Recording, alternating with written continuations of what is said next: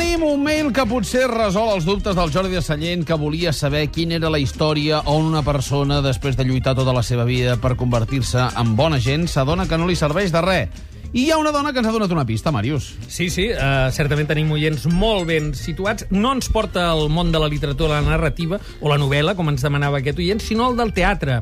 El teatre de Bertolt Brecht, concretament la bona persona del Sesuan i, per tant, aquí eh, s'acostaria a l'argument que ell sol·licitava, eh? Uh -huh. aquesta mena, diguem, de posar en dubte o de crítica de la bonomia, de la bondat.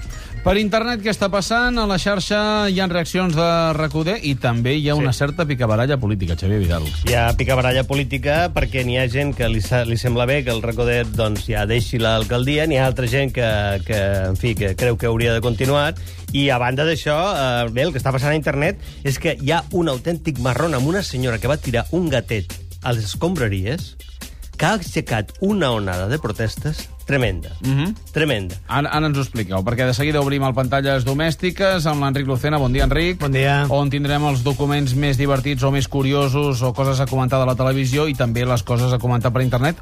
Ja posem deures, Vidal. La més important que hi ha hores d'ara és si s'acaba o no la tarifa plana. Què passa amb les companyies de telèfon? Sí, senyor. Com estan posant la punt de mira a internet? Tenim encara alguns mails dintre de l'actoràlia. Marta Cristià? Sí, en Jordi, que li demana al Màrius que li recomani un llibre per llegir amb el seu fill de 7 anys, que expliqui la història de Catalunya. Diu que normalment llegeixen abans d'anar a dormir, diu li llegeixo jo, però ell també llegeix. Per això busco un llibre de lectura amena i divertida, si pot ser. El Draghi. el Draghi era una, una via, a més, audiovisual que ens hi portava. Hi ha moltes col·leccions, jo, eh, per posar-ne una en concret, els parlaria de la col·lecció de l'editorial Dèria, en la qual hi ha, per exemple, la llegenda de Sant Jordi o bé eh, Jaume I.